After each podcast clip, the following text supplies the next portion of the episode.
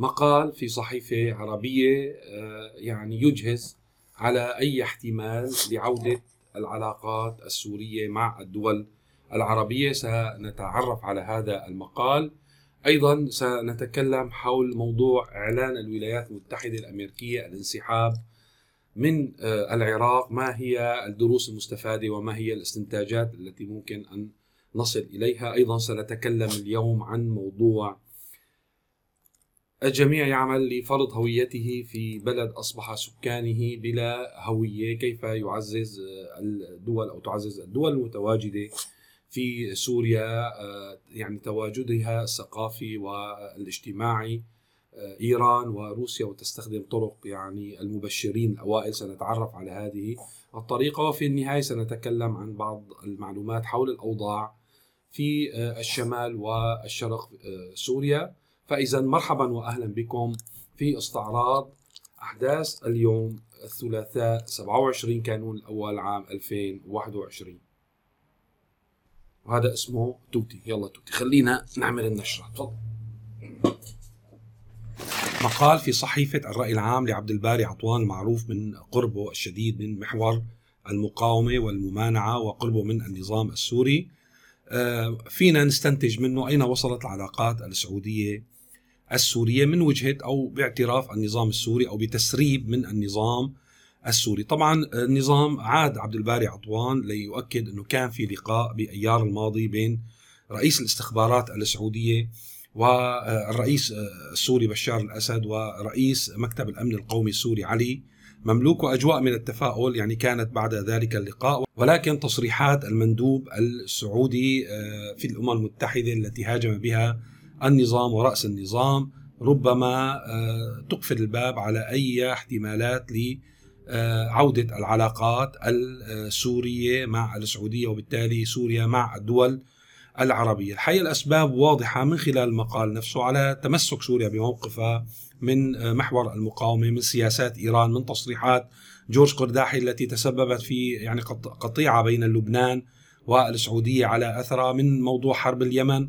سوريا متمسكة بهذا الخط ولا يمكن أن تعيد توازن العلاقات بين إيران والدول العربية. يعني هذا الموضوع حكينا أكثر من مرة وهذا المقال بيأكده بياكد على موقف سوريا. هو السبب الأساسي ل يعني فقدان الأمل بعودة هذه العلاقات، السعودية هي دولة وازنة في الجامعة العربية، هي الدولة وازنة في مجلس التعاون الخليجي، بدون مجلس التعاون الخليجي وبدون السعودية وعلاقات اليوم المميزة مع مصر لا يمكن لسوريا أن تعود للدول العربية ولا إلى الجامعة العربية، هذا الموضوع حكيناه أكثر من مرة وبنأكد عليه من خلال هذا المقال. ونهاية المقال يعني آه، يعني تشير أنه مثل آه، سوريا حتى يعني رمت طوبة مثل ما المصريين آه، فقدت الأمل من عودة العلاقات بين سوريا والسعودية يقول يعني عبد الباري عطوان وأكيد هذا الموضوع يمثل وجهة نظر النظام السوري أنه سوريا بموضوع الرد على تصريحات مندوب السعودية في الأمم المتحدة أنه ما عنده وقت لحتى تضيعوا في حروب صغيرة وهامشية. هناك مثل شامي يقول الحجر في مطرحه قنطار والباقي لفهمكم. يعني سوريا ما راح ترد على الموضوع وهذا اللي عندها. عجبكم؟ عجبكم؟ ما عجبكم؟ الله معكم. أعلنت الولايات المتحدة اليوم خروج قواتها من العراق. بعد نحو 20 عام من تواجدها في البلاد إبان الغزو الأمريكي للعراق عام 2003 وإذا نحن بدنا نراجع هذه التجربة في العراق نشوف العراق والعراقيين شو استفادوا من تواجد القوات الامريكيه بنشوف العراق اليوم يعني يمتلك دولة ضعيفة أو غير موجودة. آه، العراق آه، مقسم وضعيف موارده مسروقة. عسكريا تقريبا تم تسليمه لإيران بشكل كامل، إيران لها نفوذ كبير بالجيش العراقي وبالإضافة إلى عشرات الميليشيات تحت مسميات مختلفة الموجودة وتسرح وتمرح في آه، العراق، حقيقة العراقيين والعراق لم يستفد شيء من الولايات المتحدة الأمريكية وإنما تضرر بشكل كبير. وهذا الموضوع بخلينا أيضا نوجد جواب عن سؤال طالما يعني كان بأذهاننا نحن السوريين. هل معقول الولايات المتحدة والمجتمع الدولي بيتركنا أكثر من عشر سنين؟ بهذا الوضع بالحرب بالتهجير بالقصف بالجوع. جواب نعم يمكن ناخذ العراق. نحن كمثال صار لهم 20 سنة ولسه ما استقروا لسه ما أوجدوا حلول لكثير من القضايا الأساسية والجذرية في العراق. وربما الأمور تتجه نحو التأزيم يعني بعد خروج الولايات المتحدة مثل ما حصل في أفغانستان وبالتالي يجب أن نستعد نحن السوريين إلى يعني كل شيء ونتعلم الدرس جيدا بأنه لا يمكن أن يترك شعب القرار لقوى خارجية وأن تعمل هذه القوى الخارجية على مصلحة هذا الشعب. ستعمل على مصالحها بالصدف يمكن أن تتلاقى مصالح الشعوب مع مصالح القوى الخارجية وإذا لم تتلاقى سيعملون على استغلال هذه الشعوب حتى آخر ساكن فيها. النشاطات الروسية الإيرانية الثقافية والاجتماعية في تزايد في مناطق خاصة في مناطق سيطرة النظام أو المناطق التي يسيطر عليها النظام بشكل أو بآخر لو بشكل اسمي وهي عمليا تحت السيطرة الإيرانية أو الروسية. هذه النشاطات الثقافية والاجتماعية أنا بدي نوه هو التبادل الثقافي التعرف على تجارب وتراث البلدان الأخرى وعاداتهم وتقاليدهم هو أمر مطلوب وأمر جيد. ولكن في حالتنا في سوريا وقت بيكون في أجيال نشأت طبعا أجيال أساسا ما في آه، تعزيز للهوية الوطنية. تختزل تختزل الهوية الوطنية بهوية شخص واحد أو برجل واحد. في تغييب لمعرفتنا بالتاريخ وكيف وصلنا إلى هنا وما هي الدولة السورية وما هو تاريخ الدولة السورية. ما هو التراث؟ ما هي عاداتها وتقاليدها؟ بشكل كامل يكون في فهم صحيح ويعتز المواطن السوري بهذه الهوية ويعززها في إطار الدولة التي تحقق مصالح الجميع. وقت بتغيب الدولة وبتغيب المؤسسات عن القيام بدورها تصبح الفعاليات الثقافية والاجتماعية من الدول الأخرى هي في غاية الخطورة لأن هذه الدول تقوم بهذه النشاطات تقوم بهذه الفعاليات مو على سواد عيوننا ليس ببغية التبادل الثقافي أو التعرف على العادات والتقاليد ولكن خدمة لمشاريع عادة بتكون هي سياسية أو عسكرية لتسهل عليها الأمور في المستقبل حتى تصبح هذه الأسام الغريبة الأجنبية التي يمكن أن تكون يعني مخالبة وأنيابة مغروزة في في بلداننا آه، من غير مقاومة تصبح يعني هي أمر واقع تصبح أمر محبب حتى.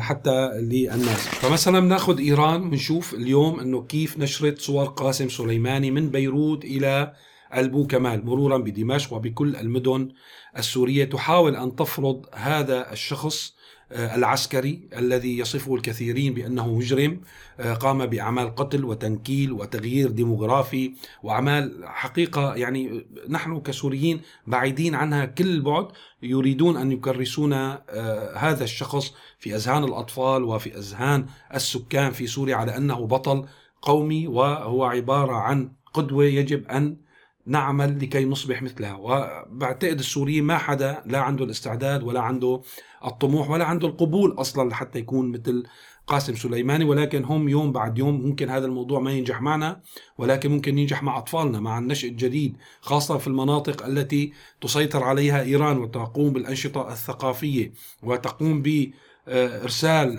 المدرسين وأصحاب النفوذ وال النخب الموجودة في تلك المناطق إلى إيران في دورات ولأشهر لكي تعزز هذه المفاهيم الغريبة كل الغرابة والبعيدة كل البعد عن مجتمعنا. أيضا روسيا نرى أنها تعمل كثيرا مع الأطفال خاصة الأطفال اليتامى، أطفال الشهداء هي تريد بنفس أسلوب المبشرين القدماء، يعني لازم تعرفوا انه النفوذ الأجنبي في بلاد الشام اجى من خلال طريقين، المشافي والتعليم. لأنه أسلوب ناعم محبب ويجعل المجتمع ملتصق بهالمحورين الأساسيين يلي ما في لمجتمع غنى عنه خاصة الطبابة. وبالتالي بتشوفوا الروس نشيطين بهالأعمال أعمال التعليم وأعمال الطبابة والمشافي. وبتشوفهم قريبين جدا من الأطفال. كان في نشاطين من يومين كان في تواجد لوفد روسي بجمعية للأيتام للأطفال السوريين. كان في لقاء أيضا مع رئيس لجنة الصداقة الروسية السورية الذي تكلم كثيرا عن هذا الموضوع وأكد بأنه المدن الروسية وروسيا مهتمة بتعزيز العلاقات في المشافي والتعليم، هذا الموضوع لا يأتي من هباء، هذا بيجي نتيجة آه، تجارب إنسانية طويلة أثبتت بأن هذان القطاعان التعليم والمشافي هم أفضل طريقة للدخول إلى قلب الشعوب وإلى التقرب من الشعوب وإلى بث كل الأفكار التي تخدم من يمتلك هذان القطاعان في أي بلد من البلدان. وراح اختتم هالتسجيل بهالمشاهد اللي عم تشوفوها على الشاشة من احتجاجات في شمال شرق سوريا اللي ممكن نتناولها بالتفصيل لماذا هذه الاحتجاجات يعني تتصاعد ولماذا يتم تصويرها ونشرها على العالم بهذا الشكل. ولكن من المؤكد أن السكان كما كل سكان سوريا يعانون من كل شيء من نقص المواد الغذائية ومشتقات الطاقة وعدم توفر الكهرباء إلى آخره. نهاية بدي أتشكركم أتشكر متابعي القناة ومشتركي القناة والمنتسبين إلى عضوية القناة وأنوه من يريد الانتساب إلى عضوية القناة لدعم هذا المحتوى وجعل إمكانية وفرصة استمراره أكبر. أن يضغط على الرابط الموجود في صندوق الوصف ويتبع الإرشادات بالإضافة من يريد أن يتابع أخبار الأخبار أول بأول يتابع موقع سيريا نيوز وشبكات التواصل الاجتماعي المرتبطة فيه. أيضا سأضع رابط تيليجرام وصفحة الفيسبوك الخاصة بسيريا نيوز في صندوق الوصف. شكرا لمتابعتكم وإلى اللقاء.